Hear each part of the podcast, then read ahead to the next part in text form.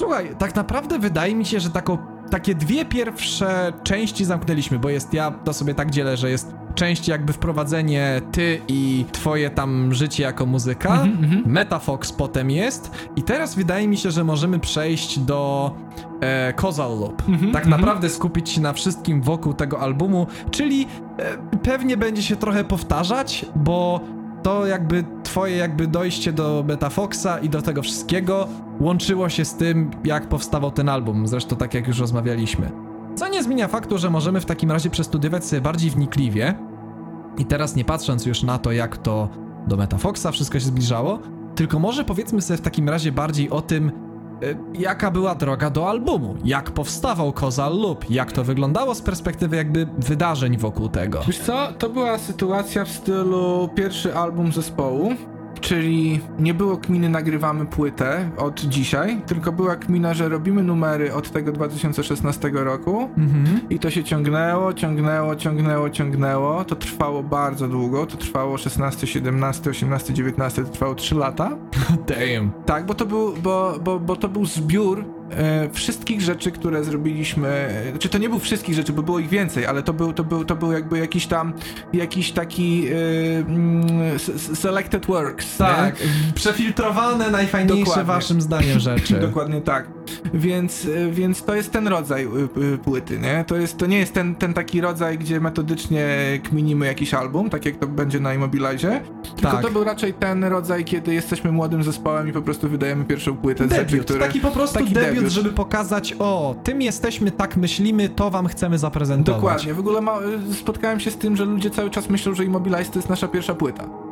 Ojej, ojej, fuck. A to akurat mnie to tak szczerze boli w serce przez to, że ja was poznałem właśnie przez Kozala i ja strasz... to, No strasznie mi się podoba Kozal, nie będę ja to ukrywał. mega szanuję, bo mam, mam taki bardzo osobisty stosun- stosunek do, do Kauzala właśnie.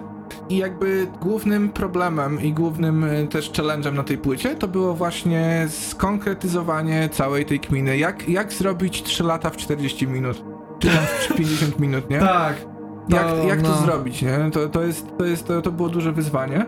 I dlatego momentami ta płyta ma swoje minusy, ale jest też wyjątkowa przez to. Tak, to jest, o tyle mi się to podoba, że to jest takie, to jest po prostu urokliwe, bo wiesz, w przypadku, no porównując, nie wiem, do takich rzeczy, porównajmy na przykład do Havenward, które chce zacząć karierę od koncept albumu tak naprawdę i to już jest takie, okej, to na pewno jest imponujące, to na pewno jest fajne, ale nie ma w tym takiej trochę, nie ma w tym tego czegoś, co właśnie mi się podoba w tym, o czym mówisz, czyli że, wiesz, e, debiut zespołu to często jest taka, to jest taka niewinna rzecz i to pokazuje, że to jakby są ludzie, którzy zaczęli w ten sposób swoją jakąś tam przygodę z muzyką, z tym zespołem i wiesz, nie podeszli do tego na zasadzie, o już wiesz, weterani, więc zgadujemy się w jakąś grupkę ludzi doświadczonych, robimy koncept album Eldo. Nie, nie, nie, jest takie, słuchajcie, musimy się nauczyć pracować ze sobą. Jesteśmy jakby ludźmi w miarę tam młodymi i jeszcze niedoświadczonymi zarazem w pracy z muzykami, ze sobą, z tym wszystkim. Chcielibyśmy się tego wszystkiego nauczyć i może coś uda się z tego wykminić.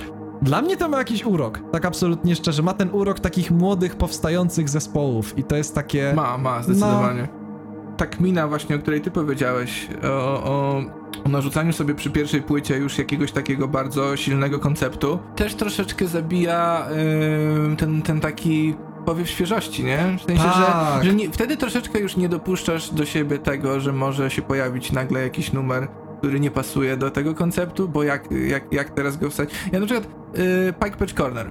To jest Tak. idealny przykład. Ja y, po jakimś tam kolosie To był chyba se- semestr właśnie już letni, wiosenny. Zacząłem sobie słuchać sy- synthwave'ów, bo to jest mój guilty pleasure. No oczywiście. Eee, każdy jakiś ma, ja mam synthwave'y. Eee, I tam właśnie słuchałem jakiegoś FM84 czy coś takiego, jakieś neonowe kolory, tak. jakiś Nissan 240. 2137 Vatican Tak, tak, albo tak, 2138 najlepsze albumy Synthwave'u stary Jezus Maria uwielbiam Tak, czy jakiś po, po, Pontiac yy, Firebird, jakieś tego typu klimaty, jeżeli mówimy o furach. no i też właśnie taka muza. I, i, I wyczaiłem tam ten bas. Ten. Sorry, nie będę tu buczał. Ale no jakby jeżeli ktoś będzie chciał sobie sprawdzić, to niech sobie sprawdzi kawałek Pike Perch Corner z płyty Causal Loop. Polecam i pozdrawiam. Michał Franczuk. Kupujcie moją płytę. Hell yeah. w Biedronkach. Tak, dokładnie. E, tak, e, i co? I, I właśnie ten kawałek powstał bardzo szybko w, na zasadzie zapychacza. E, później zacząłem kraftować tę melodię, bo tam jest trochę takiego mm, hybrid pickingu na, te, na, te, na Tak, tym ta lidzie. melodia jest taka super. jak Ona jest pojebana trochę. Ona jest super. Ja w ogóle jestem strasznym fanem tego numeru. To jest taki bangier, naprawdę. Super, ja się mega cieszę. To jest numer z pozoru prosty, a ja się. Dla mnie, dla, mnie jest zawsze trudny. e, także tak. I to jest właśnie przykład na to, że gdybyśmy się zamknęli na tym koncepcie, to pewnie ten numer by poszedł do szuflady i to sobie wydamy przy następnej płycie. Tak, tak. A byłaby to strata spora. E, Więc, więc natomiast ta droga, którą wy wybraliście jest jak najbardziej ciekawa i, Znaczy, po prostu jest, jest wizję. dużo bardziej Tak. wymagająca. Józek po prostu miał taką wizję i zgarnął do niej ludzi, no nie jakby wiesz, nie mówię, że to jest złe, mówię, że Jest to trudne. tak, jest to trudne i ma to po prostu taki, wiesz, to jest urok ludzi, kiedy, wiesz, pracuje jedna osoba i zgarnia ludzi do współpracy, a może przez to, że ja sam jestem wychowany bardzo na działaniu solowo i zawsze to było tak, że ja dawałem ludziom materiał i oni go robili, to dla mnie osobiście zawsze niesamowitym urokiem było, kiedy widziałem zespół. I jakby czułem, wow, to jest zespół. Tam naprawdę wszyscy coś tam dokładają od siebie, coś napiszą od siebie. To zawsze było dla mnie niesamowicie urokliwe. No bo, no, myślę, że to takie, wiesz, to jest ta, trochę jak ten, e, że trawa jest zawsze zieleńsza tam, gdzie nas nie ma. Ja zawsze byłem przyzwyczajony do działania albo solowo, albo pod kimś sesyjnie wręcz, e, pod jego wizję, a nigdy nie było tak, że o, wizja należy serio do wszystkich i wszyscy serio mega się tym jarają. Od niedawna mam coś takiego w Ektopi. I tak naprawdę, bo teraz faktycznie piszemy wszyscy serio materiał bardzo ściśle razem. Ale dalej jest to dla mnie piękna rzecz, kiedy właśnie słyszę o tym, że ktoś miał coś takiego w zespole i że miał zespół. Zespół, a nie no. Tak, tak. To tutaj, y, chociaż ja zawsze powtarzam, że y, Metafoxy to nie jest do końca taki, taki zespół, nie? Bo Mhm. myślę, że gdyby było nas, gdyby było nas pięciu, y, czy, czy coś w tym stylu, byśmy, bylibyśmy takim typowym bandem, to, to, to by się zesrało, a my po prostu zaczynaliśmy, zaczynaliśmy grać od tego, że Bartek miał perkę elektroniczną u siebie w pokoju i po prostu ja przynosiłem jakąś tam, y, jakiś tam pięciowatowy wzmacniacz i sobie dwóch typów, y, czy potem trzech y, sobie jamowało. Zajebiste. O Jezu. I to jest ta kmina, nie? No. To, to jest ta kmina. Tam nie było kminy, za, zakładamy zespół, tylko ona po prostu powstała.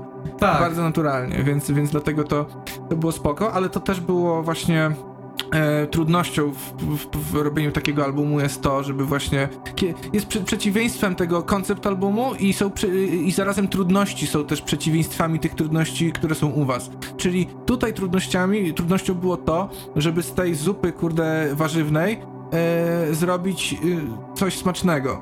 Tak, że że tak. za, tych składników było bardzo dużo i trzeba było to jakoś kurczę ubrać, nie? Tak. E, więc, więc to było dużym wyzwaniem. Dobra. E, słuchaj, w takim razie będę chciał ci zadać właśnie pytanie. E, I już spierdoliłem, ale sobie to teraz jeszcze ułożę w głowie. Em, a nawet może zostawię to jako taki bloom. zostawię to jako dobrze, blooper dobrze. wewnątrz podcastu, dokładnie. E, możesz mi w takim razie powiedzieć, bo opowiedzieliśmy sobie mniej więcej, jak to się wszystko zaczęło. Opowiedziałeś właśnie o tym, jak ten flow przebiegał. Dla mnie coś, co jest ciekawe, może dlatego, że sam miałem z tym sporo e, doświadczeń. E, czyli jak e, sam nagrywałem album, to właśnie fajne jest to i to się obserwuje też bardzo często, się o tym mówi. E, może nie w podcastach, bo wydaje mi się, że podcasty są pod tym względem stosunkowo nowe, ale takich dokumentacjach jakichś większych zespołów. No wiadomo, w naszym przypadku to może się wydawać komiczne mówienie o czymś takim, ale czemu by nie? E, jakieś takie wasze, takie śmieszne sytuacje, jakieś takie rzeczy, które najbardziej zapamiętałeś e, z robienia tego albumu. Ja mam zawsze, jak sobie przypominam o robieniu e, nie wiem, swojej Esvanao, e, Eternum, tych wszystkich rzeczy, Haven Wordów też, to zawsze zostają mi w głowie jakieś takie pojedyncze, fajne sytuacje, e, które mega dobrze i nie za, albo niedobrze, ale wspominam je. I one tak mi są takimi, hmm, milestony takie, albo takie rzeczy, które jakby, no takie, ha, takie konkretne punkty w głowie, które łączą te wszystkie kropki, że tak powiem, wokół tego albumu.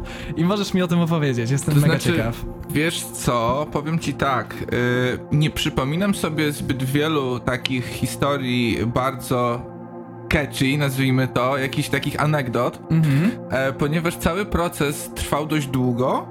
E, był dość powtarzalny w tym, jak się odbywał. Nie było czegoś takiego, że mieliśmy mało czasu na nagrywanie i później sru do jakiegoś studia i się dzieją rzeczy i wszyscy Mhm. są nahypowani. E, wiesz, natomiast, natomiast y, generalnie y, to, co, to, co, to, co dla mnie było najistotniejsze przy, nagrywa, przy, przy, przy nagrywaniu tego albumu, to chyba w, w walka z własnym ego, Mhm. albo nawet nie walka, a przekonanie się do współpracy, bo Mm. do, dotychczas miałem mimo wszystko, chociaż, chociaż tego nie mówiłem, no bo wiadomo, też nie wypada i człowiek się stara kontrolować, ale miałem cały czas takie przeświadczenie w głowie, że rzecz, którą ja wymyśliłem, którą ja ułożyłem w jakiś tam sposób, no ja generalnie najlepiej będę wiedział, jak ona zabrzmi dobrze, bo, ja, bo wyszła z mojej głowy. Tak. I w tym momencie dochodzimy do punktu, gdzie dołącza do nas Wiktor e, i, i jakby ten, ten e, e, ta, ta trójca my, myślowa się, się tak fajnie, fajnie zazębiła. Mhm. E, zdaję sobie sprawę, że nie do końca tak jest, że moje pomysły są spoko, ale ktoś, kto patrzy na nie z boku, może. W sensie, w sensie że trafiłem na ludzi, którym mogę zaufać z oddaniem swojej muzyki, wierząc, że oni to mogą lepiej zaaranżować. Tak. Lepiej zmiksować, wiesz, to jest, to jest taka rzecz, która, która dla mnie jest takim najbardziej istotnym elementem, który zawsze sobie przypominam w kontekście nagrywania Causal Loopa. Mhm. Więc, y, więc to jest to. Na pewno było dużo takiej też naiwności w tym wszystkim. Myślę, że z mojej strony najbardziej, bo chłopaki już coś tam w swoim życiu ponagrywali, więc u mnie to było takie, mm, że w zasadzie nie ma żadnych, nie ma żadnych reguł, możesz zrobić cokolwiek, możesz, nie wiem, y, nawalić reverba na bas y, bez konsekwencji, zobaczmy co będzie, nie? Tak, i potem wiesz, tylko reali- realizatorska policja, wiesz, wsadzić do więzienia za Tak, to. dokładnie. I był taki, taki mem, który mi się strasznie podobał, że siedzi dwóch gości w więzieniu i jeden do drugiego mówi, że, jest, że tak pyta się go, za co siedzisz? E, zabiłem piątkę ludzi, a ty? E, dałem reverb na subbase. po prostu wiesz, ten, i ten kryminalista, ten morderca tak się od niego odsuwa, tak wiesz, o kurwa stary, O, naprawdę. tak.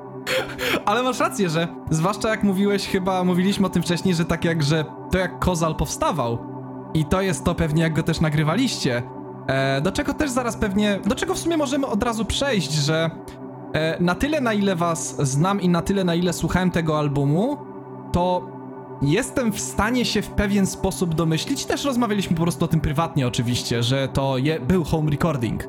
I tak, to o czym mówisz, że faktycznie nie ma, nie ma zasad. Nagle się okazuje, że sam jesteś realizatorem, sam ustalasz wszystkie reguły i tylko. Co prawda, o tyle wy mieliście chyba fajniej, że. Znaczy, fajniej albo nie, zależy jak na to patrzeć. Że Wiktor chyba wam. Wiktor wam realizował Tak, no to jest właśnie, to jest właśnie bardzo istotna rzecz, że, że właśnie w momencie, kiedy on do nas dołączył, e, pojawiła się ta opcja, że z jednej strony był chętny to zrobić, z drugiej strony był wystarczająco ogarnięty, żeby to zrobić. Mhm. I oczywiście dzisiaj jego wiedza jest na zupełnie innym poziomie niż wtedy, ale już wtedy pozwoliła nam na zrobienie tej rzeczy w takim, a nie innym stopniu. I ja nadal uważam, że dobrze zrobiliśmy, że robiliśmy to we własnym gronie, ponieważ y, my i tak wtedy, to jest moje zdanie, chłopaki mogą mieć inne, ale ja uważam, że my i tak wtedy nie byliśmy jeszcze na tyle ogarnięci, żeby wiedzieć, co chcemy od realizatora. Mhm. Że nawet gdybyśmy dostali kupę kasy i poszli do jakiegoś tam dużego studia, to pewnie byśmy coś mimo wszystko fajnego ukręcili, ale nie wykorzystalibyśmy 50% potencjału tego studia, przez to, Tak. że sami do końca pewnych rzeczy jeszcze nie mieliśmy w głowie. I, Tak. nawet, I nawet wiesz, nie chodzi mi o jakieś mega te technikalia, bo to się człowiek uczy całe życie, ale o taką wizję tego, jak to ma zabrzmieć. Tak, to jest zawsze najgorsze, nie? O Dokładnie. Jezu. Więc y, tak, tutaj jego, no i tak naprawdę on na tym poświęcił chyba najwięcej czasu.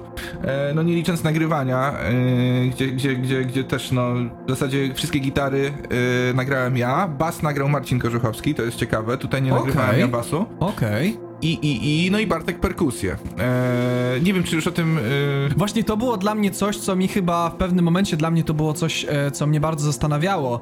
Em, bo wiem, że. Znaczy. O Immobilizie pogadamy przy Immobilizie. Natomiast e, o Kozalu właśnie zastanawiałem się, czy to są żywe bębny. I Okej. byłem właśnie ciekaw, czy ten, czy. Bo brzmiało to trochę. Z jednej strony, no tylko właśnie to jest problem z modern produkcją, nie? Że... Brzmiało to jak chujowo zmiksowane żywe bębny. Ej, mi się akurat. Znaczy, zgadzam się, że one są bardzo takie przestrzenne. E, Tak, tak, tak. Ale mi się to w sumie podobało. W sensie miało to naprawdę taki. Jak ja pamiętam pierwszy raz słuchałem tej płytki, to miało to taki swój vibe, że to jest takie. To chyba w w ogóle to był taki vibe, który ja odniosłem od tej płytki. Ona była dzika. Ona jest dzika, naprawdę. W sensie, o, w niej jest takie poczucie, że te częstotliwości, które jakby wiesz, to wszystko nie jest takie gładkie jak w tych Aha. nowoczesnych produkcjach, ale to ma swój vibe. I tak samo ta perka właśnie brzmiąca jakby była nagrana w takim trochę przesadnie dużym pomieszczeniu tak, i ten tak, reverb tak. rozkręcony z roomów i to może być odstraszające, ale dla mnie to było właśnie fajne. Wiesz co, to jest zajebiste. E, My zrobiliśmy rzecz, które, o której się nie można przyznawać, czyli na sam koniec miksu zmieniliśmy reverby na perkusji. bo, yeah. bo stwierdziliśmy, że czemu nie. I powiem tak, jak teraz o tym gadamy, to widzę różne fazy odbioru tej płyty przez samego siebie, czyli Tak. pier- pierwsza faza, jak, jak to zrobiliśmy, to jest taka spoko, to jest dobry materiał, fajnie, że go zrobiliśmy. Po, w momencie, kiedy robiliśmy Immobiliza, to już miałem takie, jak patrzyłem na Kauzala, że kurde, no trzeba to zremiksować. Ale teraz z perspektywy tego, co ty mówisz i jak w sumie nawet zaczęliśmy wracać trochę do tej płyty, bo e, no w tej chwili, jeżeli nic złego się nie stanie, no to trochę pogramy jeszcze z Immobilizem, Mhm. z tą jakby e, Immobilife, Tak. e, z tym setem. Natomiast myślimy już w kontekście przyszłych rzeczy o jakimś powrocie do Causal Loopa. Tak. E, takim dość konkretnym, szczególnie, że pojawiają się też różne inne możliwości. E, natomiast, natomiast właśnie i z tej perspektywy teraz jak patrzę na ten album, to, ta, to, to faktycznie to, że on jest taki trochę nieokrzesany, nieokiełznany, te, te dzikie reverby i, Tak. i, i, i dziwne częstotliwości, to sprawia, że ten album jest ciekawy. E, tak, absolutnie szczerze że tak. to nie, jest, to nie jest po prostu modern production, to jest troszeczkę dziwna modern production, gdzie ktoś coś próbował, tutaj trochę nie wyszło, ale tu wyszło na przykład zajebiście, więc, więc masz ten takie, przynajmniej ja tak mam, jak, jak, to, jak tego słucham, że wolę słuchać coś, co ma rzeczy kiepskie i rzeczy zajebiste, niż Mhm. coś, co jest po prostu średnie. I przez cały utwór nie ma ani, ani Tak. jakichś specjalnych y, minusów, jakichś specjalnych... Y, słabszych fragmentów, ale też cię jakoś tam specjalnie też nie ruszy. Tak. Więc to jest spoko. To jest chyba taki najbardziej. Naj, to jest moim zdaniem największy w ogóle konflikt z modern metalem i modern produkcją i tym wszystkim, że te wszystkie narzędzia są dostępne, to jest super i możemy nauczyć się naprawdę fajnie miksować, tak jak duzi realizatorzy, właśnie to, że wszyscy biorą, nie wiem, masterclassy Noliego czy innych gości, żeby się nauczyć robić te wszystkie rzeczy. To jest super.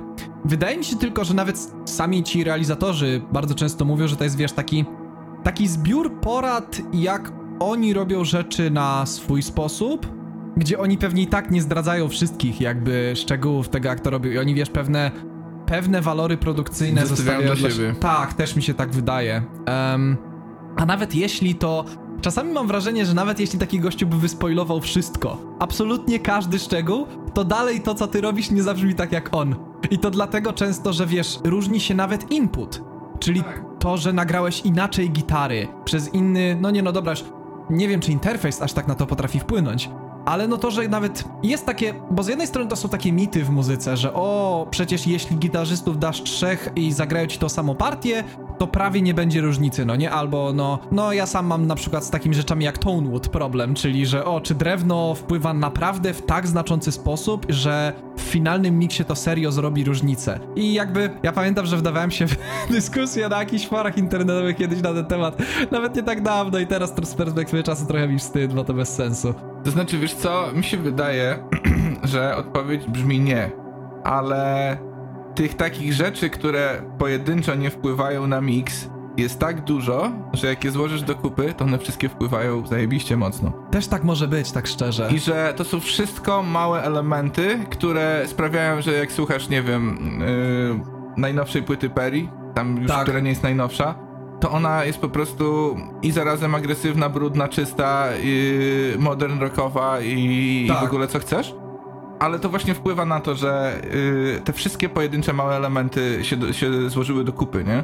tak. I kolejna rzecz, a propos właśnie tych tipów od różnych, yy, różnych znanych producentów.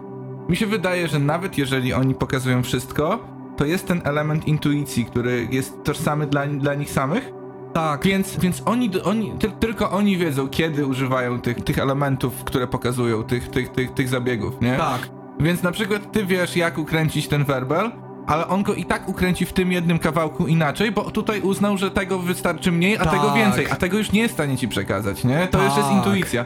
Więc, więc nawet jeżeli on, jeżeli mamy tą wiedzę dostępną, to i tak to, co z nią zrobimy, to jest kluczowe. Ja tak miałem robiąc album z Konradem i ja w pewnym momencie, ja myślę, że się dosyć późno nauczyłem i zrozumiałem właśnie, że jak dałem mu świnie, to był tak zróżnicowany materiał i on miał taki problem zło ze złożeniem tego w jeden spójny miks, dlatego jak człowiek posłucha tej płyty, ona nie jest zmiksowana jednolicie i to słychać. Słychać, że Konrad naprawdę miał momentami, mimo że dostał tak samo przeprocesowane gitary, tak samo przeprocesowane lidy w większości, pewnie ja tam mogłem robić drobne tweaki, ale słychać, że na przykład Perkę musiał kompletnie robić inaczej do różnych numerów. Tak, zdecydowanie. Przede Tak. wszystkim, wiadomo, już nie wchodząc w wielkie technikalia, no to automatyka jest w stanie zrobić wszystko, no tylko, tylko po prostu trzeba, trzeba mieć to, to wyczucie, kiedy odpuścić kompresji, kiedy, kiedy dodać kompresji, nie? Kiedy troszkę może gdzieś tam więcej reverbu dać na... Na przykład Tak. u, Wayne- u, u Wayne'a mi się to zajebiście podobało, że on się nie boi, on się nie boi bawić y, drastycznie zmieniając efekty, więc tam Mhm. czasami są momenty, gdzie wchodzi zwrotka i ten Maciek Dzik, chyba się perkusista nazywa, swoją drogą uwielbiam go, zaczyna grać zwrotkę, uderza w werbel i nagle na, na, na werblu masz po prostu taki nienaturalny pogłos, nie? I ktoś Tak. powie, że przecież kurde, nie możesz zmieniać pogłosu na werblu w trakcie numeru. Dlaczego? Dlaczego? Dokładnie. W sensie Dlaczego? Nie ma zasad, no nie? W teorii. Tak więc, jak... więc, więc rzeczy naprawdę potrafią pasować, jeżeli, jeżeli tylko po prostu sobie coś w głowie przestawisz, że dlaczego nie spróbować, nie zobaczyć, Tak. czy, czy to wyjdzie. Wiadomo, że na żywo nikt mu nie będzie nagle dźwięk, chyba że ma, mają takiego realizatora. Chociaż z tego co wiem, to oni, to Wayne chyba nie gra na żywo za bardzo. E, przynajmniej nie jako Wayne. Mi się wydaje, że oni by pewnie wtedy mieli, wiesz, e, tak jak pamiętam ta realizatorka Devina na trasie, Mhm. co ona miała w ogóle... Ona miała konsolę automatyczną, no nie? Czyli, że ona dosłownie miała numer, w którym mogła tweakować Tak, delikatnie. tak, a niektóre rzeczy się automatycznie same Tak, zmieniały. i to było dla mnie w ogóle niesamowite, że ona po prostu brała se, wybierała sobie numer na tablecie i wszystkie fadery ustawiały się automatycznie i zmieniały się w trakcie koncertu. To było dla mnie tak kosmiczne, że już to... Znaczy, z jednej strony nie powinno mnie to dziwić przy tym, że wiem, że już od... No wy nawet grając na X32 macie zmieniane automatycznie To jest, presety. to jest, do tego to przejdziemy może Do jeszcze. tego przejdziemy jeszcze oczywiście i do tego, ser- do tego serio nawiążemy, jak będziemy gadać właśnie pewnie z całą waszą ekipą. To jest, to jest y, po prostu statek kosmiczny. Tak. Najpiękniejsza rzecz, jaka mi się przytrafiła grając na żywo. Tak, absolutnie szczerze tak. I. O Jezus Maria. Czekaj, bo zgubiłem wątek teraz. Strasznie zgubiliśmy wątek. Tak, odpłynęliśmy. Ale wbrew pozorom trzymaliśmy się dalej e, w mnie- mniej więcej tam, gdzie powinniśmy być, bo mówiliśmy o miksie trochę, do pewnego stopnia, bardziej o takich jakby realizatorskich rzeczach i takich właśnie sprawach, że tego wszystkiego nie da się miksować jednolicie. Em, I to jest też coś, co jeszcze chciałbym propos tego dodać. To, że bardzo często numer wpływa na to i to, jak napisałeś utwór, na to, że trzeba go na przykład inaczej zmiksować, no nie? No zdecydowanie. Tak, bo w modern metalu często wszystko jest właśnie miksowane na jedno kopyto, żeby była spójna płytka, żeby to wszystko działało. Tylko to z drugiej strony czasami naprawdę zabija właśnie vibe e, płyty. Nawet jeśli płyta ma być relatywnie spójna, to czasami zabija to właśnie taki. To jest coś, co, do czego chyba najprościej jakbym miał nawiązywać, to właśnie w Kozalu mi się to podobało, że mieliście utwory typu Things from Reasons, a potem był chyba Panda. Panda, Panda Sailor. tak, one są kompletnie inaczej zrobione. Tak, tak, ale tak, to jest tak, super, Tak, tak. ale to jest super, bo to zajebiście siedzi. I oczywiście one są kompletnie inaczej riffowo stworzone, ale znowu to też na to wpływa, że właśnie okej, inne riffy są kompletnie, inna jest kompletnie struktura utworu i inny ma być odbiór i jest jakaś spójność w tym wszystkim, ale fajnie, że też są te rzeczy odbiegające i to o czym mówisz, to do czego właśnie chciałem chyba nawiązać, to jest ta właśnie intuicja, że gościu pokaże ci jak coś robić na jakimś numerze, który on poprosił, żeby jemu nagrano i on stosuje właśnie pewne intuicyjne zabiegi. Jeśli spróbujesz się odwzorować jeden do jednego na swojej muzyce, prawie na pewno zabrzmi ona jak gówno. Tak jest, Eureka. Dokładnie, Eureka, no nie? Ponieważ to jest kompletnie.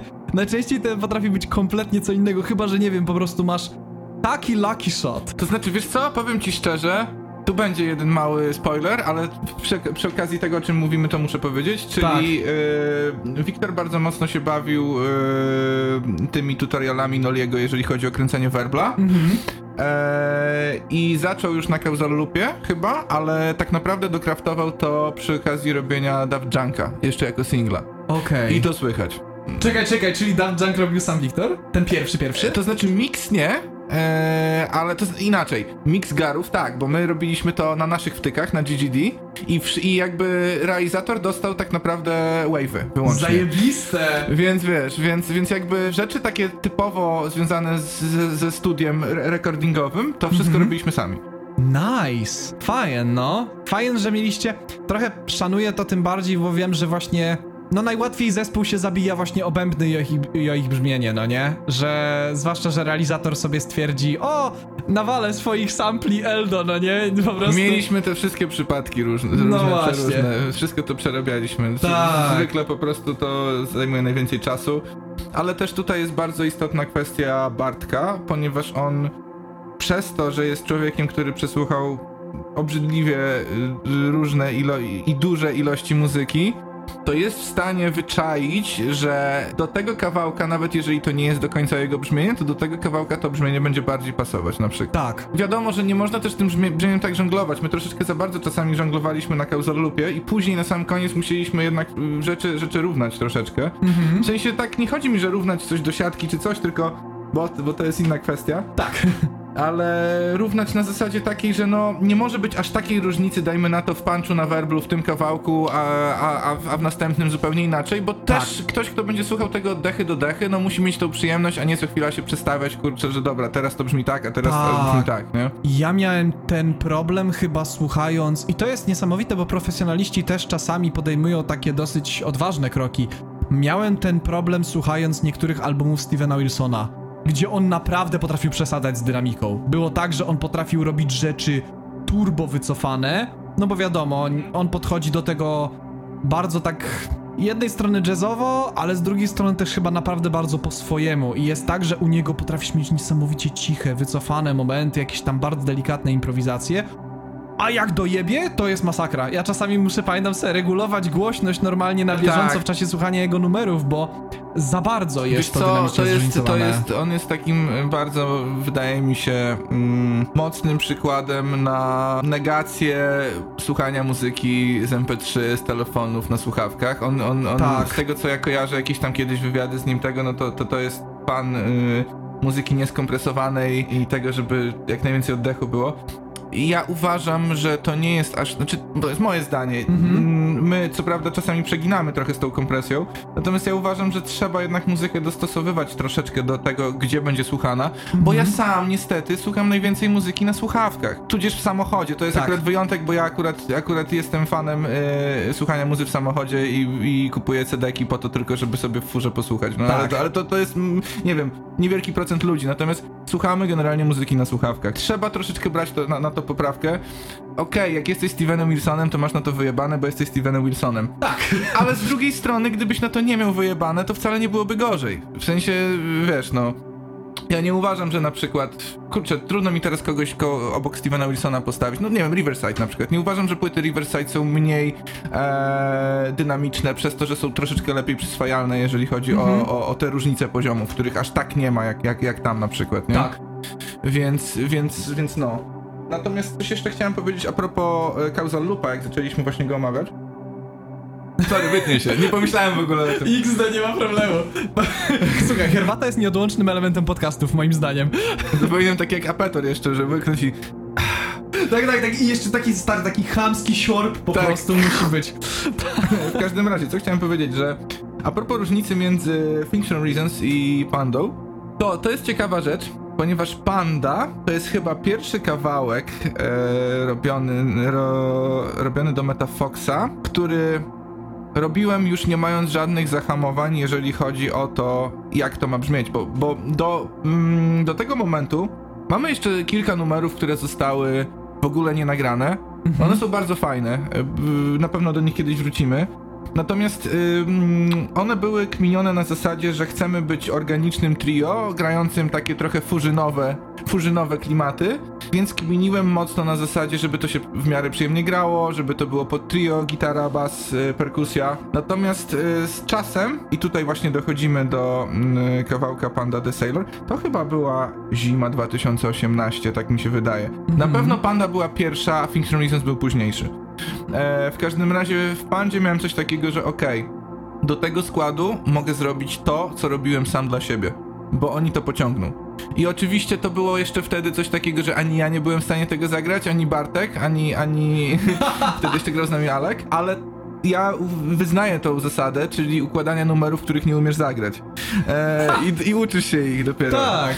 I oczywiście troszkę mi to przeszło, bo też nie mam teraz aż takiego ciśnienia na robienia tak y, jakiś, y, w sensie pod kątem technicznym, bo też, też trzeba, wziąć pod uwagę jedną rzecz, że y, te, num te numery, których nie umiesz zagrać, one nie muszą być trudne technicznie, one mogą być też trudne w postaci tego, że takich numerów nie grałeś.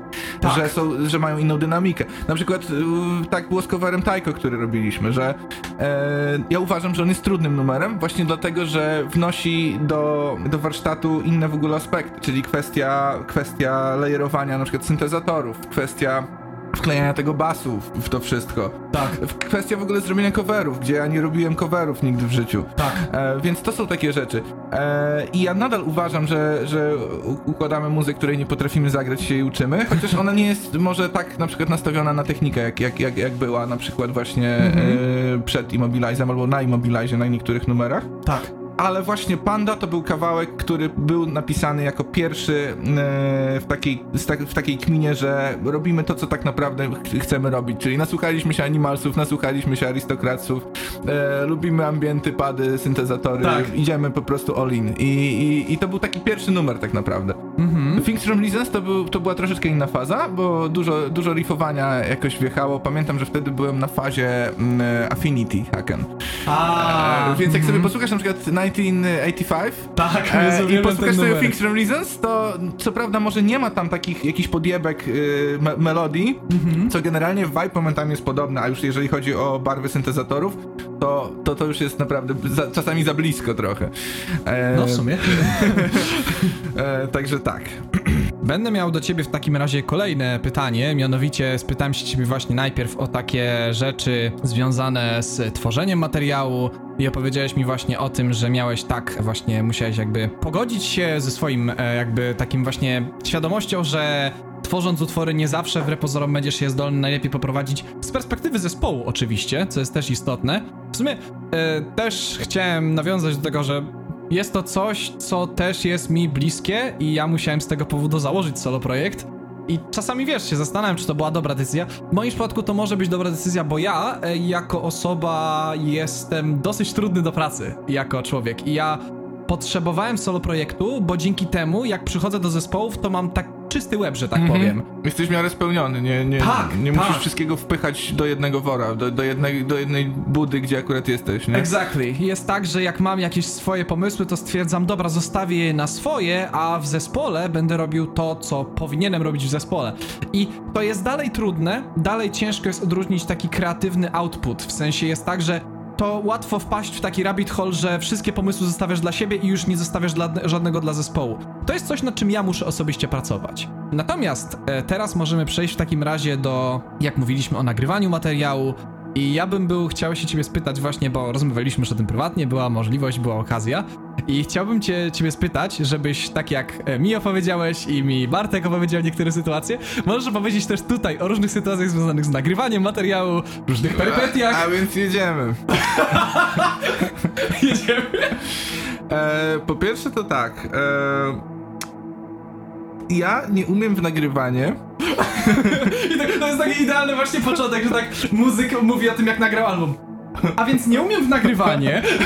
więc robiłem różne rzeczy na, e, na oślep. Na przykład to, dlaczego ja wykorzystuję Abletona, to nie dlatego, że dorobię dużo elektroniki i lubię tą elektronikę. Y, to znaczy, dzisiaj to mogę powiedzieć, że dlatego. Natomiast, natomiast generalnie geneza jest taka, że po prostu jak y, ktoś mi powiedział, że stary, nie, nie rób muzyki na gównianej nagrywarce Beringera, no, przepraszam, Bossa, tylko kup sobie interfejs, to ja sobie kupiłem ten interfejs i tam miałem triala Ableton Life Lite 8. Tak.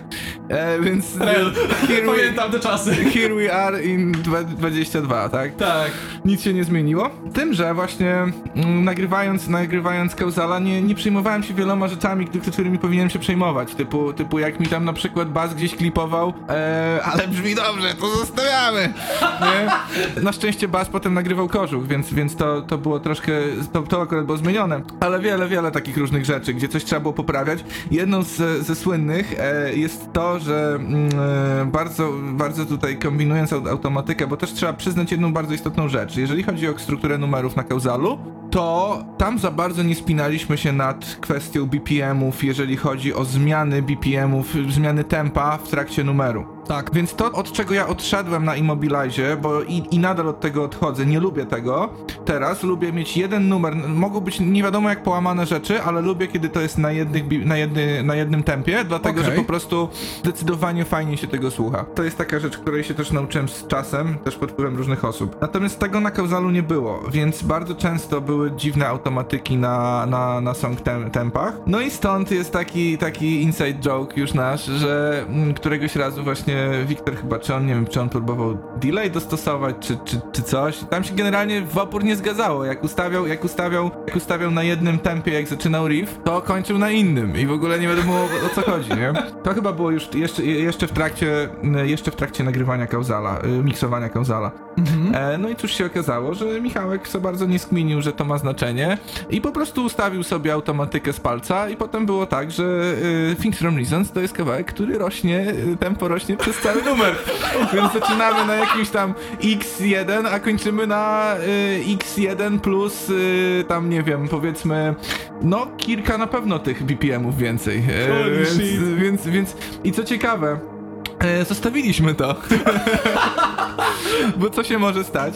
Tak. Więc zostało to i dzisiaj jak gramy na przykład Function Reasons czy coś takiego live, używamy backing tracka, y, gdzie, gdzie mamy automatyki właśnie naszych procesorów, no to lecimy tak samo, więc zaczynamy Dalej na jednym tempie, sesją. kończymy na innym. tak tak więc tak. mega. I nie było w tym żadnej, to, żadnej głębokiej myśli, nic, po, pro, po prostu zjebałem, no. Tak, to się zdarza, to jest bardzo ludzka rzecz. O Także, Jezu. także tak. To jest chyba jedna z najlepszych anegdot, tak szczerze, jaką można sprzedać, że nagle mówisz A słuchajcie, bo ten w tym tempie przez cały utwór rośnie 4 BPM-y. Eee, nice, have fun. Co? Takie have fun. Zwłaszcza jak mówisz to muzykowi i wiesz, on ma tak trzymać tempo i tak myśli, tak, a, bo jest jedno stałe tempo, mem za Midalo znowu, jest jedno stałe tempo. Jest jedno stałe tempo, tak? tak, tak, tak, tak. Yes. Tak, no wiesz co, y, tak, mamy trochę zmian tempa, jakichś łamańców, ale nie, nie to jest największy problem, wiesz, musisz łapać, że tutaj tempo wzrasta. You gotta feel it, man. Ale, ale co, raz? Dwa razy? Nie, cały czas. Cały czas statycznie, w sposób, którego nie ogarniesz percepcją. Have fun! O Jezus Maria. Także tak, no, have fun. O Jezu. Miałeś jeszcze jakieś poza tym właśnie takie, właśnie poza klipowaniem, czy czymś takim? Okej, y, to tak, no na przykład z Tangerem był taki trochę problem, y, ponieważ bawiłem się taką, powiedzmy, free biblioteką jakichś sampli, Mhm. Więc miałem straszną fazę, żeby jakieś tam kurde rzeczy powciskać. Yy, przepraszam, to nie było z Tangerem, to było z Arrivalem, O! czyli z intrem. E, bo mm, oryginalnie tam, były, tam było trochę więcej tych sampli, jakiś, jakiś, jakiś ze Star Warsów, jakaś taka nerdownia generalnie. Tak, tak. Kilka zostało, ale mieliśmy, mieliśmy na przykład problem taki, że nie przeszło przez root note'a, ponieważ prawa... Oka- okazało się, że to wcale nie była aż tak do, free biblioteka, nie? Więc, O, well. więc to jest tak, taka, taka, taka na przyszłość na przykład przestroga, że tam faktycznie ktoś sprawdza na tych, na tych root note'ach i innych rzeczach przed wrzuceniem na spoty. Więc, więc to, jest, to, jest, to jest ciekawe. Wiesz, mieliśmy na pewno trochę różnych fuck-upów, jeżeli chodzi o Elvisa, bo to jest numer, który jest bardzo rozbudowany. W sensie ja, nie, Tak. mu- nie, ja nie mówię, że, że to jest najtrudniejszy numer świata, Tak. ale jest dość trudny. No, no rozumiem, w sensie jakby wiesz, mierząc jakby waszą skalą i względem na przykład płyty, no nie? Tak, tak, to jest, to jest dość trudny numer, jest dość tricky, e, siedzieliśmy nad nim na, no sporo. Wiesz, nie mam takich naprawdę, nie mam takich rzeczy, o których mógłbym e, jakoś specjalnie opowiadać, bo Mhm. było bardzo dużo takiej po prostu mozolnej pracy, takt po takcie, rozkminianiem, jakie tu brzmienie użyć, jakiego synta, jak to wesprzeć, e, Tak. jakiego brzmienia dobrać gi- na gitary, na, na to, na tamto. Generalnie, e, jeżeli chodzi na przykład o syntezatory, to nie jestem aż tak do końca zadowolony z tej płyty, ponieważ dużo rzeczy się wtedy uczyłem, Mhm. ale co ciekawe, zebrałem od kilku osób taki feedback, że syntezatory na Immobilize nie siedziały mm, poszczególnym osobom aż tak jak, jak na Kauzalu. Hmm. I długo to rozkminiałem, po czym stwierdziłem, że może to wynikać trochę z tego, że chociaż na Immobilize poszedłem mocno w hardware, to ten hardware nie brzmi tak przyjaźnie właśnie w miksie, że jednak, że jednak wtyki, jeżeli chodzi o rzeczy typu jakiś tam Massive czy Omnisphere, czy jakieś tego typu rzeczy, Tak. to jednak te wtyki mają to do siebie, że z jednej strony, z jednej strony są bardzo takie nijakie trochę. Jednak Mhm, w sensie ja nie lubię tej zabawy, że to jest hardware, to software, bo ja, bo ja uważam, że software'owe rzeczy są super, ale, ale y, fakt faktem, że nie dają takiej wolności jak na przykład właśnie, nie wiem, zwykły Korg Minilog, którego, Tak. którego posiadam, czy, czy, czy tam parę innych rzeczy. Co nie zmienia faktu, że są tak zrobione, żeby, żeby się podobało, żeby się działo, więc, więc to, są, to są urz- urządzenia, które dla producentów muzyki, którzy, którzy muszą coś zrobić na szybko, są idealne. Mhm. W przypadku robienia elektroniki są mocno ograniczające. Tak. Więc to jest, to jest taka rzecz, którą też z Kauzala wynoszę. Jako ciekawostka, mm, ostatni numer na płycie, czyli Causal Loop, to Tak. jest numer, który. To jest ciekawa rzecz, ponieważ to jest numer, który zrobiłem na sam samiutki koniec. To jest pierwszy numer, który zrobiłem na ósemce, chyba w Mhm. ogóle. I widzę tutaj taką, takie, takie fajne połączenie troszeczkę, ponieważ, ponieważ z racji, że jest to ośmiostrunowy kawałek, brzmieniowo tam już siedzą właśnie pick-upy Fishmana, które, których potem używałem bardzo dużo na, na Immobilize. To mam coś takiego, że przynajmniej, przynajmniej się starałem coś takiego y, uzyskać, żeby ten kawałek troszeczkę otwierał jakby, mm, był troszeczkę takimi napisami, y, taką scenką po napisach. Nice. Więc, y, więc wydaje mi się, że to się mogło fajnie udać, jeżeli słuchasz Kauzala i Immobiliza po sobie. Mhm. E, jako taki, wiesz, jak, jako takie wprowadzenie do tych ośmiostrunowych rzeczy, które będą później, nie? Co do reszty numerów, fajnym momentem zawsze był dla nas w Elvisie właśnie break syntowy, ten, ten, ten przerywnik taki. Tak, on tam je, To, on jest to jest super. coś, co ja uwielbiam. Ja marzę o tym, żeby zacząć grać ten kawałek live i zagrać ten fragment na swoich parapetach i innych rzeczach. Tak. To będzie niesamowite. I tutaj też właśnie kmina była taka, w ogóle całe założenie na tą płytę Causal Loop. Ja lubię patrzeć na rzeczy pod wpływem ko- kolorów, tudzież jakichś takich obrazowo generalnie. Tak. Więc, więc dla mnie cała ta płyta była taka trochę jak jej okładka, czyli zimna, yy, teoretycznie taka trochę SF, science fiction, Mhm. ale, ale takie brudne. I chociaż ona jest momentami wypolerowana, to brzmienie jest takie właśnie, słychać, że, słychać, że jest dość, dość syntetyczne momentami, Tak. to na przykład właśnie fragmenty takie jak, takie jak ten, e, ten przerywnik syntezatorowy w Elvisie są mocno inspirowane właśnie taką kminą typu Ridley Scott, lata 80. Tak. Też nie synthwave, a właśnie taki, wiesz, taki, taki bardziej, m, tak, m, taka mroczna filmowa elektronika, Tak, nie? tak, że ona ma tą taką swobodę, nie? tak, tak, O dokładnie. Jezu, no. Dokładnie tak. Więc nie wiem, co mogłem więcej powiedzieć tak o poszczególnych numerach, o jakichś ich takich ciekawszych rzeczach. Znaczy wiesz, tak naprawdę właśnie wiadomo jest, ja co prawda zazwyczaj w swoich podcastach staram się trzymać taką ścisłą formę rozdziałów, natomiast zdaję sobie sprawę, że jest to trudne właśnie przez to, że one się wszystkie przeplatają. Tak, mi jest bardzo trudno e, mówić kawałek po kawałku, bo czasami nie tyle chodzi o kawałek po kawałku, co zabieg e, po zabiegu, a zabiegi Tak. często się powtarzają. Na przykład, jeżeli mówiłem ci o syntezatorach, to ten sam zabieg syntezatorowy był i w Pandzie, i w Elvisie, i Tak. jeszcze w czymś tam. Tak. Więc, więc dlatego trochę skaczę po tych kawałkach, bo, bo bardziej patrzę pod kątem całej płyty, a nie poszczególnych numerów. Tak, i to też w takim razie dobra, to... Znaczy i tak ja pewnie nie będę robił rozdziałów w tym podcaście, Mhm. pewnie on będzie takim jednym ciągiem, zwłaszcza, że nie będzie za długi, tak sądzę. W takim razie tak naprawdę mamy wyczerpany, fajnie, fajnie, bo nawiązałeś do tematu utworów, więc mamy jakby trochę ten temat wyczerpany, możemy jeszcze... Pike Patch Corner. Zapomniałem o naj, najistotniejszym to- numerze. Tak, a dobrze by było faktycznie, słuchaj, jak omawiamy teraz utwory i przy okazji nagrywania, to omówmy też jego, bo w sumie to, to jest genialny numer. Tak absolutnie szczerze, to jest jeden z utworów, który mi się mega na tej płycie podoba, mimo że on nie jest taki dziki. Ale Nie, zupełnie. Dla, ale super, właśnie to jest fajne, że on jest taki... Powiem pośród ci- tych wszystkich numerów jest taki stabilny i taki jedzie, nie? Tak, powiem ci, powiem ci jedną rzecz. To jest kawałek, y, który y, zrobiłem na bazie chamskiej zrzędki z jakiegoś synthwave'u typu FM84, jest coś takiego. Jest Mhm. jakiś taki synth, synthwave jak, jak Kawiński, coś tego typu Tak. rzeczy. Taka, taka y, bardzo bezpieczna elektronika, żeby się przypadkiem nie, nie, nie, nie wiem, ci się źle nie zrobiło. E, ale ma to swoje plusy. Ja pamiętam po jakimś, po jakimś kolosie kwietniowym, chyba, nie, nie wiem czy poszedł dobrze czy źle, ale, ale miałem straszną fazę, właśnie, właśnie to było, to był jedne z pierwszych takich cieplejszych dni wiosennych, właśnie za, zarzu, zarzucałem sobie jakieś guilty pleasure synthwave'y i słuchałem tego, słuchałem, potem tak wspomniałem, kurde, ja tak naprawdę nie zrobiłem żadnego numeru, który by miał taki bas jak tam, taki Mhm. po prostu prosty bas, który groovy i jest fajny. Ta. Dlaczego tego nie zrobiłem? Przecież to jest przyjemne. No nie?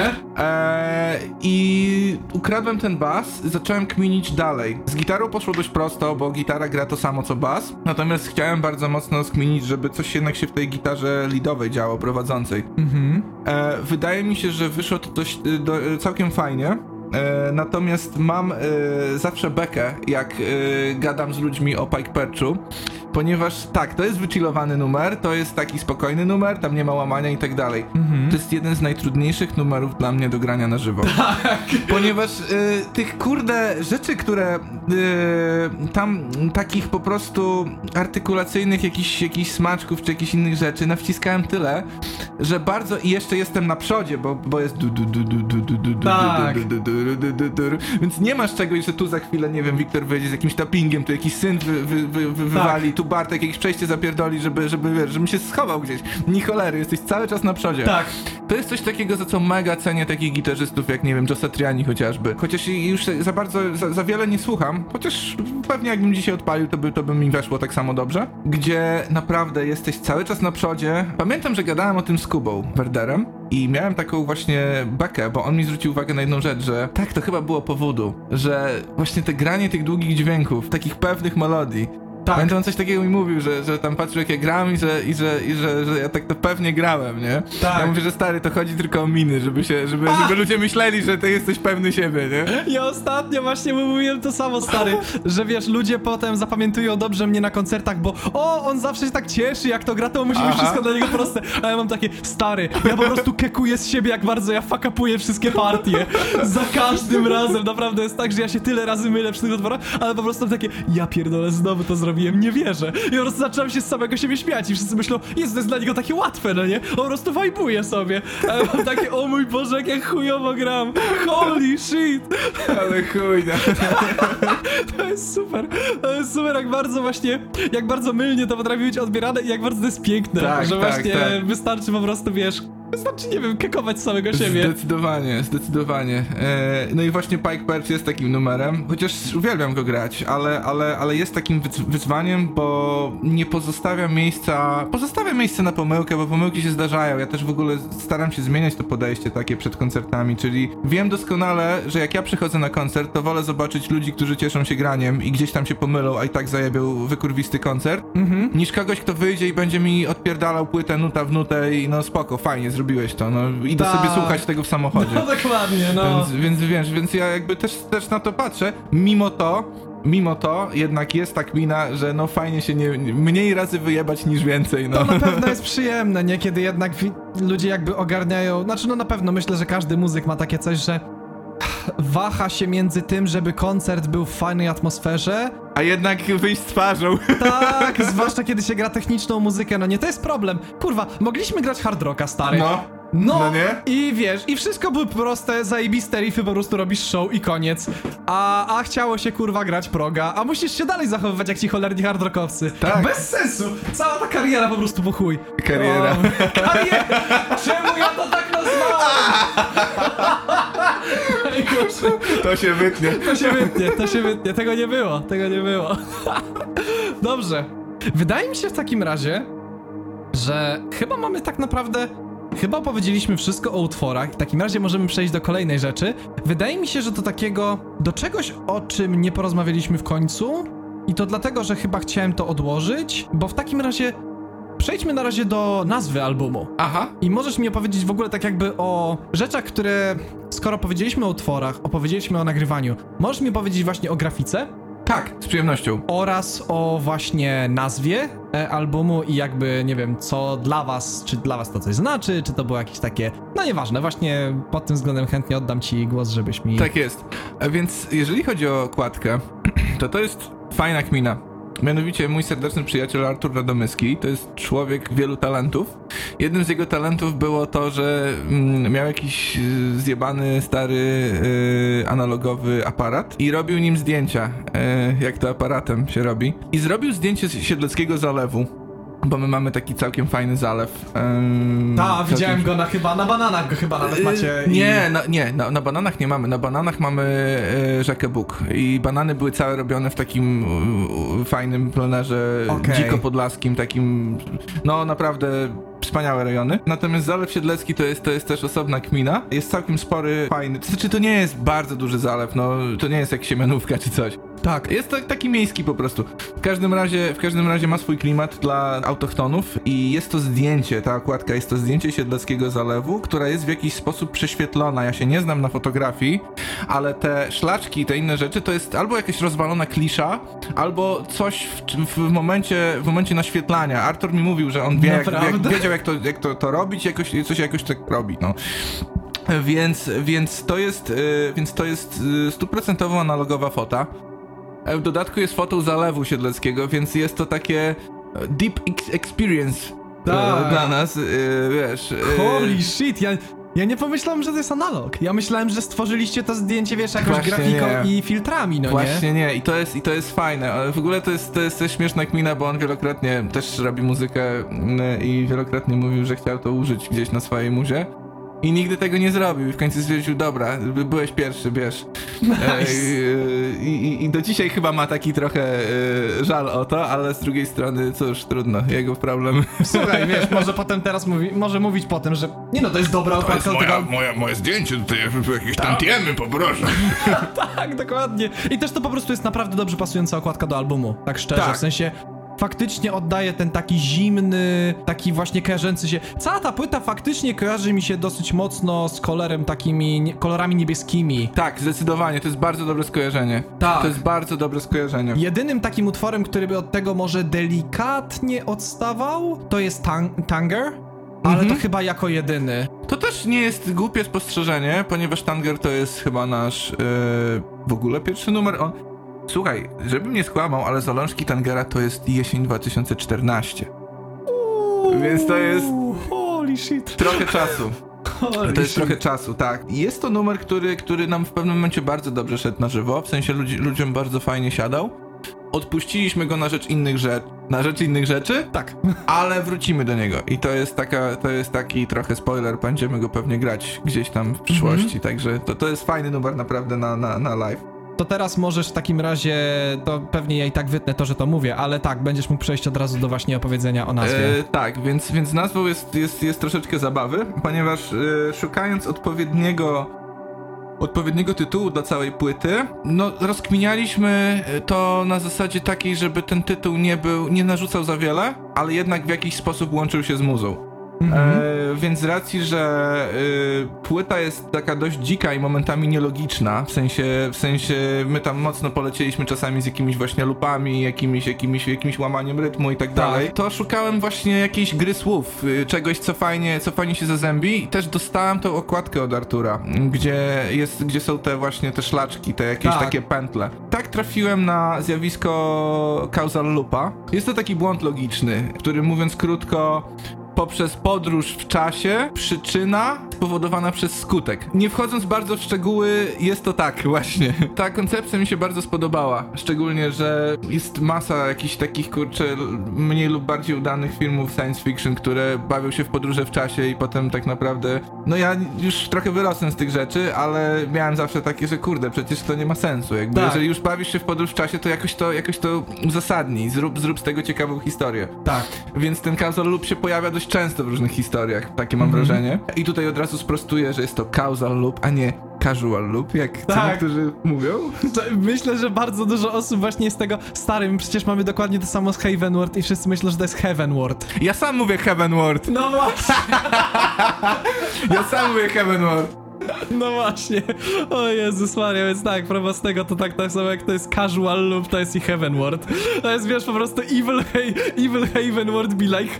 Tak, tak, Bo- tak, tak, Dokładnie. Evil Metafox be like Casual Loop. Także, także myślę, że myślę, że ta nazwa causal loop całkiem fajnie się zazębia i z okładką, i z treścią płyty. Tak. E, więc z tego jestem naprawdę zadowolony. I to jest takie coś właśnie, o czym gadaliśmy trochę wcześniej, o, o nazywaniu rzeczy. W, właśnie wydaje mi się, że to nam wyszło całkiem fajnie. Tak, też mi się tak... Znaczy, jak to zwłaszcza wytłumaczyłeś, to też to faktycznie nabiera takiego nowego sensu. Mhm, mhm, To jest taka mhm. spoko rzecz.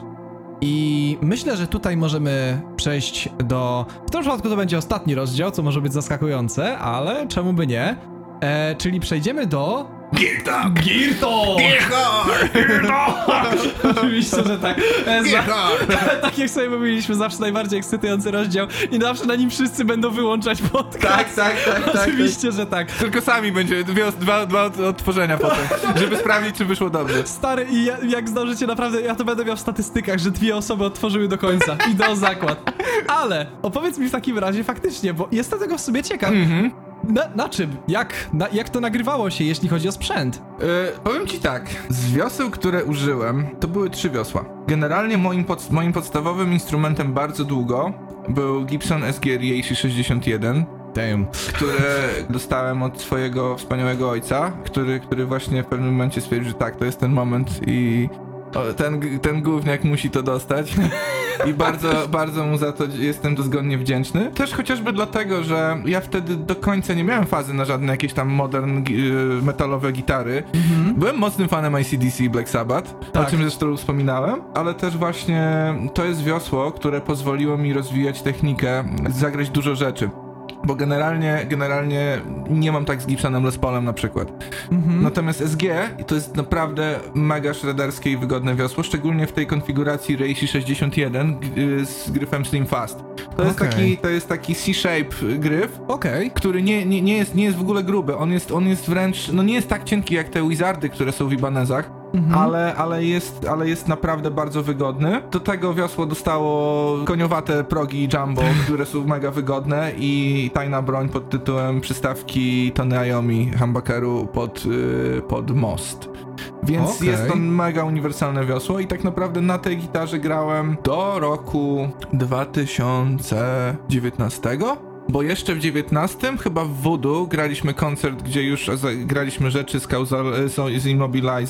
Tak, to był pierwszy koncert, to był, to był w ogóle pierwszy koncert chyba z Wiktorem i to był koncert, gdzie zagraliśmy chyba dwa czy trzy numery z Immobiliza, który jeszcze był niewydany w ogóle. Nice. E, I wtedy, I wtedy jeszcze grałem na, na SG i potem stwierdziłem, że już pora się przesiadać na co innego z dwóch powodów. Po pierwsze, troszeczkę y, potrzebowałem y, większej ilości progów, po prostu żeby je mieć i przede wszystkim splita w, w przystawkach. No i też to, że gitara naprawdę jest w tej chwili dość wartościowa i nie chciałem jej po prostu walać po tych kurde różnych y, klubach i dziwnych Tak. miejscach, w których się gra. I właśnie dlatego przerzuciłeś się na Strandberga. Ale tak, no, tak, do tego przejdziemy przy Immobilize. Tak, do tego przejdziemy przy Immobilizie. To, to, to, po, tak, tak, tak, zdecydowanie. E, natomiast było jeszcze jedno wiosło. E, właśnie korzy- korzystając z, życzliwości taty, uży, użyłem sobie pan, do pandy użyłem Les Paula Custom. e, Jakiś tam Tobacco Sunburst czy coś takiego. Świetnie brzmiące wiosło, no mega, wysokie, mega wysoka półka. Chociaż totalnie nie, nie do użytku na żywo moim zdaniem, ja po prostu bym się z tym męczył. I natomiast no brzmi, fan, brzmi fantastycznie, więc, więc jak e, nagrywaliś, nagrywałem e, w Pandzie lead na początku, gdzie są takie długie dźwięki, Tak. to potrzebowałem dużej ilości sustainu. Też wykorzystywałem slajda do tego. No i jakie wiosło ma największą ilość sustainu? No właśnie takie, które ma po prostu w chuj dużo drewna, nie? Oczywiście, że tak. Więc tam poszedł, tam poszedł yy, Gibson Les Paul, właśnie ten custom. I to by było tyle. Yet jest jeszcze Causal tytułowy. I to jest właśnie ciekawa historia, ponieważ, ponieważ ja się bardzo długo czaiłem do ośmiostrunówki. Ja wiedziałem, że chcę mieć ośmio, oś, ośmiostrunówkę. Tylko, że jak to na studiach troszeczkę nie było za bardzo kasy, żeby sobie odłożyć, więc polowałem na okazję. No i okazja się pojawiła. Gościu na Leak sprzedawał y, Ibaneza RG8 za Tak. 900 zł. Brzmi jak szmelc, ale stwierdziłem, że kurde, dobra, zaryzykuję. Ja naprawdę dużo gitar zaryzykowałem i przy żadnej się tfu, tfu odpukać nie naciąłem, więc, więc, więc kupiłem od typa przez neta to wiosło. Przyjechało w ogóle w śmiesznym stanie, bo widać, że było niegrane praktycznie, było, było zasyfione e, i miało naklejki zrobione z jakiejś taśmy, białej taśmy klejącej zamiast markerów, imitując e, sygnaturę Tosina, tą e, t- TAM e, 100 czy TAM 10. O Jezu. To było straszne, jak gdzieś mam jeszcze foty. Natomiast fakt faktem, że szanuję poprzedniego właściciela, bo też założył bardzo ładną maskownicę, taką ch- ch- robioną przez jakiegoś tam, nie wiem, może to to warszawski Guitar Workshop czy, czy coś tam.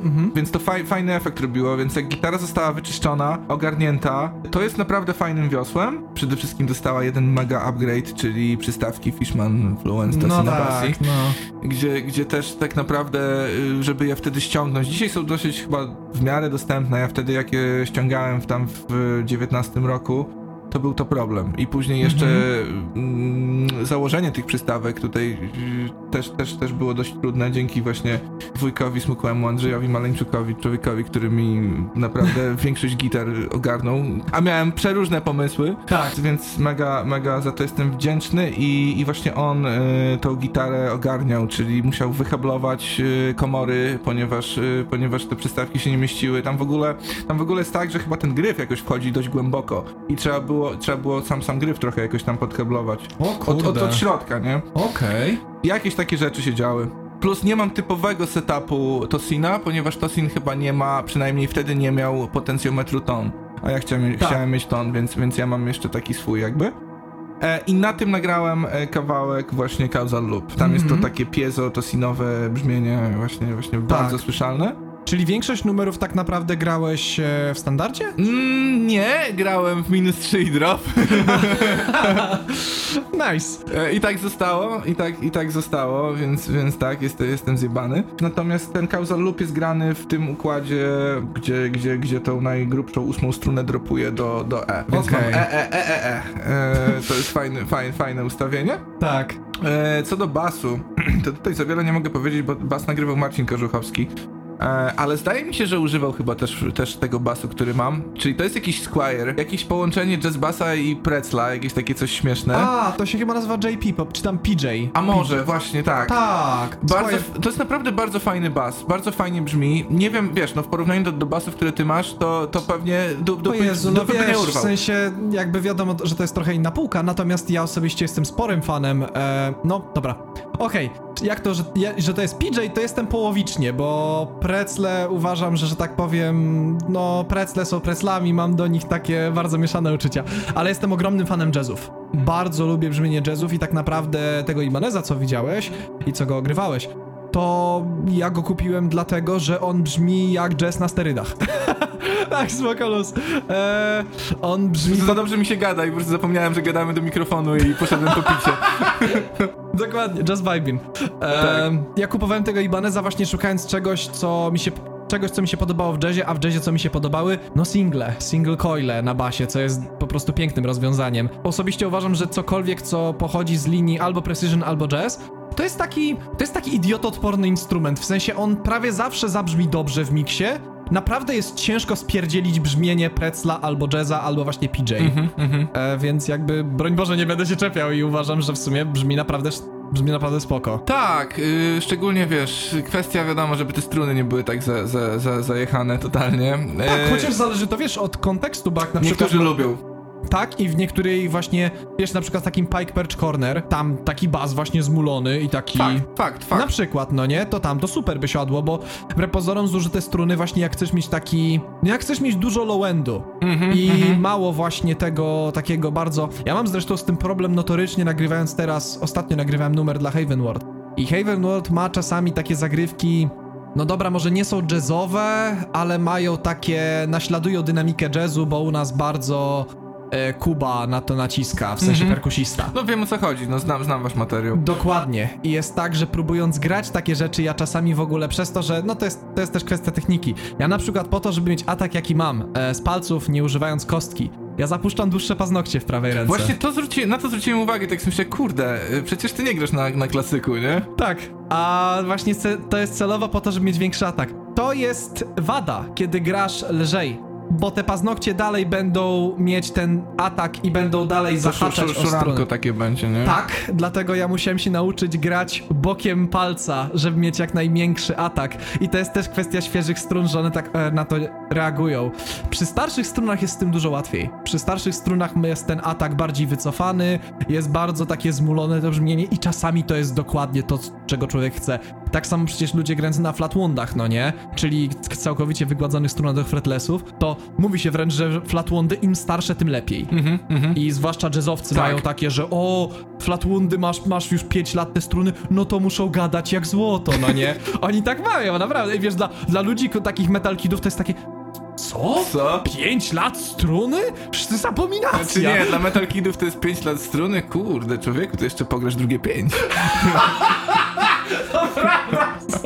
O Jezu, nie pomyślałem o tym, to prawda. O Jezu, zapomniałem. O. Człowieku, za, Muzycy metalowi są do utylizacji, czasami o tym zapominam. zalegalizować muzykę metalową. Prawda? O Jezu.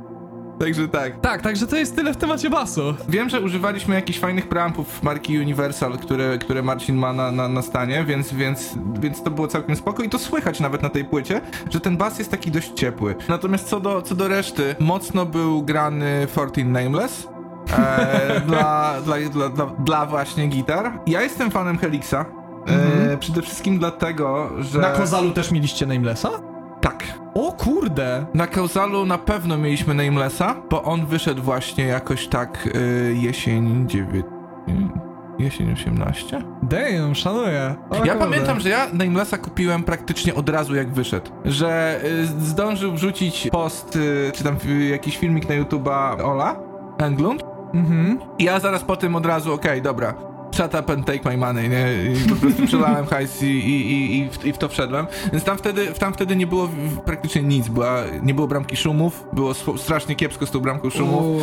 Uff. Był Nameless, były, była kostka Zul. Nie, Zul to jest chyba właśnie bramka szumów. Tak, Zul to jest bramka. Tam była jakaś inna, jak, ale jakaś była. Hex Drive albo Grind. Grind. Ch- chyba Grind. Grind, no, grind. Hex Drive'a później dodali. Dopalaczem. Tak, tak, tak. I co? Ja jestem właśnie fanem Helixa przede wszystkim dlatego, że ja uwielbiam to, że mogę mieć Helixa na swoim lapku i mogę mieć Helixa na hardwarze na, na scenie. Mhm. Więc mm, ja się po prostu wkurwiam, jak teraz muszę kminić brzmienie, które zrobiłem na płycie, yy, muszę je próbować robić tutaj. W sensie Tak. to nie jest duży problem, ale ja tego nie lubię. I jeszcze wtedy nie miałem tej kminy, bo jeszcze wtedy nie miałem Helixa. Tak. Chyba jeszcze nie miałem. Natomiast już miałem tą kminę, że jeżeli chodzi o czyste barwy, to Helix rozpierdala w niektórych Tak. sytuacjach. Tak, naprawdę ma piękne te brzmienia. Więc ja nawet y, do tego stopnia się w tym utwierdziłem, y, też przez to, że mój serdeczny przyjaciel kupił sobie Rolanda Jazz Horusa.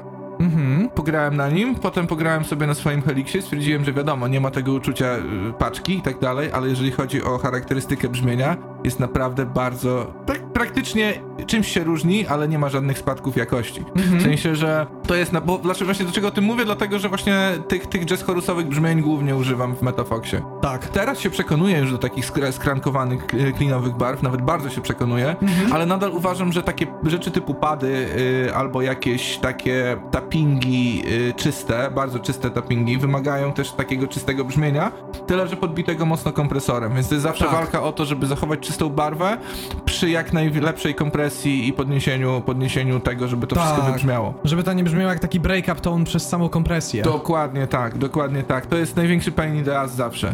Tak. Ale, ale to się da zrobić, to, to, to, Tak. to się da zrobić. Na przykład jest ten fragment w Elvisie, taki, jest, jest taki tapping w Elvisie. E, Tak, jest coś takiego. Jest coś takiego. Tak. To coś sobie przypominam. Tak i tam właśnie bardzo mocno z tym walczyliśmy, e, żeby, żeby to było perkusyjne, ale zarazem, żeby było czyste. Jeszcze wtedy do końca nie zdawałem sobie sprawy z różnych rzeczy, jakie mogę zrobić, czyli że pobawić się jeszcze troszkę też ekwalizacją i na przykład dodać troszeczkę drive'u, ale na wzmacniaczu, czyli na, te, na, na kolumnie, kolumnie ampa. Tak. To, to też troszkę pomaga. I już na przykład przy kawałkach na Immobilizie, jak, jak Flying Carpet, tam już to tak wybrzmiewa jak chciałem. Natomiast, natomiast, no i też kwestia przystawek, ponieważ Fishmany, szczególnie na splicie, mają to do siebie, że one same w sobie są już skompresowane. Tak. Więc, więc tam było dużo łatwiej. Natomiast na Kauzalu to była trochę walka. Co do syntów, to były to głównie wtyki. E, tam chyba nie użyłem żadnego, żadnego, żadnego fajnego hardware'u. I też byłem mocno presetowym wojownikiem. Więc z racji, że słucham bardzo dużo elektroniki, to wolę o tym nie opowiadać, bo nie ma się czym chwalić. Po prostu, okej, to jest Juno Six, dobra, to jest jakiś tam, kurde, nie wiem, kopia Profeta, to jest Tak. coś tam, dobra, daj, biorę, włączam git, działa. Nice. Ar arpeggiator, lecimy. tak więc tak to wyglądało. Co do perki, nagrywaliśmy ją e, w ten sam sposób, co na im- Immobilize, czyli używając, e, to jest chyba Roland TD11, to się, a czy Yamaha? W każdym razie skrót TD11, perkusja elektroniczna. Okej, okej. Jakieś coś, albo Roland, albo Yamaha. W każdym razie no, swego czasu to była bardzo fajna perkusja, ponieważ już na, nawet na ten moment jest stosunkowo niezła. Ma, ma tam sporo tych y, mm, opcji velocity, y, czułości, jak, Tak. na, jak, na, jak na perkusję elektroniczną. Więc Bartek był w stanie zagrać te rzeczy y, w, miarę, w miarę oddać to, jak to potem ma zabrzmieć. Oczywiście walki z automatyką było masa. To jest właśnie ten minus, że z jednej strony zaoszczędziliśmy trochę kasy na nagrywaniu perki, ale czasu za cholerę nie. Mhm. Bo Bartek grający na perkusji akustycznej jest w stanie naprawdę każdy smaczek oddać, czy, czy to właśnie Tak. na, na, szczególnie jeżeli chodzi o overheady, e, jakieś tam y, talerze, y, inne rzeczy. Tak. Natomiast, czy, czy, czy Ghost Noty, e, natomiast, natomiast tutaj tego nie było, więc po prostu siedzisz i kurde, trochę tyle, trochę te w górę, trochę w dół, nie, i każde uderzenie, po prostu naprawdę spędziliśmy masę czasu, ale jeszcze więcej na Immobilizie, o czym, o czym pogadamy, więc to jeszcze było nic. Tak. Poszły wtedy, poszły wtedy chyba już GGD, e, Modern Massive. E, my tego używaliśmy na, na, na obu płytach. E, e, e, I tak, i zjebaliśmy jedną bardzo konkretną rzecz, która potem wpłynęła na to, że ta płyta brzmi tak jak brzmi i może się podobać, może się nie podobać. Czyli na sam koniec podmieniliśmy reverby. E, nie pamiętam, jak, jakby, jakby, jakbym się zapytał chłopaków, to przy tym była jakaś głębsza myśl. To nie było tak całkiem, że byliśmy aż takimi debilami Mhm. Ale, ale no było to bardzo ryzykowne i pewne rzeczy trochę spieprzyło, ale z perspektywy czasu ma swój urok, Z więc ciekawości, na jakie rumy podmieniliście, pamiętasz może? ni cholery. Okej. Niestety. Ja jestem, ja jestem w, te, w, te, w, tym, w tym układzie jestem tym, co siedzi na kanapie, je chipsy i, i ej Michał, weź zobacz, to, jak tu, tutaj, ten, Tak, no jest git, dobra. Ej, ej, siedzi i wiesz, ty, ty masz tylko takie e, zrób, żeby było bardziej sz... tak. Odkrę... Wiesz, on ma nadzieję, Wiktor tylko ma taką nadzieję, po prostu spocona ręka, podkręca fader jakiś, jest git. On ma taki specjalny fader z napisem szy, specjalnie na tę okazję. To było super, to było Szy, super. dobra, więcej szy. miał- Tak. Oj Boże, No, to także, było... także tak, mo, moje, zwykle to tak wygląda, że, że jakby moje umiejętności się kończą tam, gdzie, gdzie na przykład Wiktora się zaczynają, Mhm. a, więc, więc y, ja jestem w stanie rzeczy jakoś tam zaaranżować, y, skminić y, strukturę kawałka, natomiast, natomiast już jeżeli chodzi o mix, e, fakt, że walczę z tym, uczę się, wydaje mi się, że moje demówki teraz, które robiłem brzmią nie najgorzej, Mhm. e, ale, ale, ale też ja nie lubię miksować rzeczy, w sensie mnie to nie jara, mnie to nie Rel. kręci, ja chcę robić muzę, a nie po prostu jeszcze ją kurde y, Rel. y, tam coś z nią robić, jakieś kurcze ciciki przedstawiać. Tak. Nie, nie, nie. To, to, to, to nie To trzeba mnie. lubić, absolutnie szczerze. Na przykład jak gadam o tym z Ardianem, to on jak robi ten swój projekt Now Here, to on ma bardzo otwarcie mi mówi, że jemu, jemu się zajebiście właśnie po prostu nie dość, że nagrywa to i on uwielbia miksować te rzeczy. I wiesz, on te, z tego ma tego frajdę. Jak ja myślę, że miałbym zmiksować samemu świnie, To byś się zesrał. pierdolnąłbym sobie w łeb, stary. Tak absolutnie szczerze, po prostu. Jak myślę, że ja miałbym to miksować, to bym się zajebał. Ja, ja lubiłem ten materiał i ja go dalej lubię, ale Jezus Maria, mix to jest dla mnie... To mi spędza sens powiek, zwłaszcza stary mix wokali. To jest w ogóle dla mnie jakaś czarna magia, jak Konrad potrafi czasami osadzić te wokale. Ja, ja nie umiem w ogóle w żaden sposób. Bębny i wokale to jest dla mnie tak czarna magia, jeśli chodzi o osadzenie ich, naprawdę. To w takim razie opowiedz o masteringu. Więc okej, więc y, kmina była tego rodzaju, że mastering zrobiliśmy w, y, zrobiliśmy w Heinrich House y, u Filipa i to była dobra decyzja, chociaż teraz wiemy, że zdecydowanie lepsza była, gdyby mu dać całość, mix i mastering, bo jednak Tak. rozbijanie miksu i masteringu generalnie jest średnie. To wtedy to wyszło dobrze, bo byśmy sami tego mastera nie dali rady zrobić, a pewnie by na tyle, na ile chcieliśmy eksperymentować z miksem, to nie mielibyśmy kasy zwyczajnie, żeby, żeby, żeby tyle wymagać od, od realizatora. Więc to było optymalne, ale jakby później robiliśmy już inaczej na No na Immobilize. Heinrichu byście się, jak chcielibyście robić mix i mastering, to byście się wykosztowali jak cholera. Troszkę On tak, aczkolwiek jest- warto, bo... bo No bo on robi robotę. Robi w sensie robotę. to jest jakby on wiem, że. Nie, on nie. Znaczy wiem, że on miksował trochę takich lepszych polskich produkcji i wiem, że on robił. E, no on jest najbardziej znany z tego, że robił bas do Behemota. Że Tak. kręcił basistę Behemota, Tak, no. tak, tak, tak, tak. Okej, i to, to chyba wszystko. To chyba wszystko. I to chyba wszystko. I to no. chyba wszystko.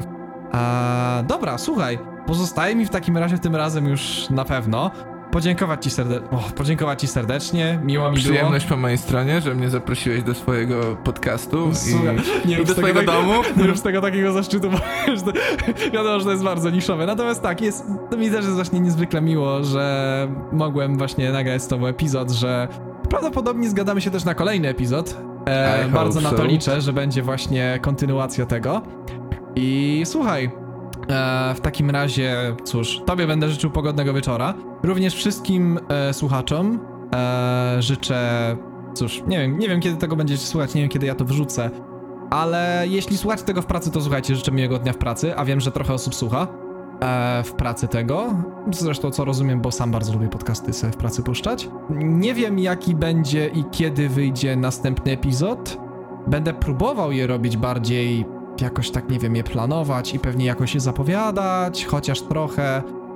Ale zobaczymy, zobaczymy ile zespołów uda mi się jakiś tam nakłonić, z którymi mam do zrobienia te rzeczy, albo no prędzej zespoły, bo zanim jakieś tam moje nowe rzeczy wyjdą, to minie sporo czasu. No to słuchajcie.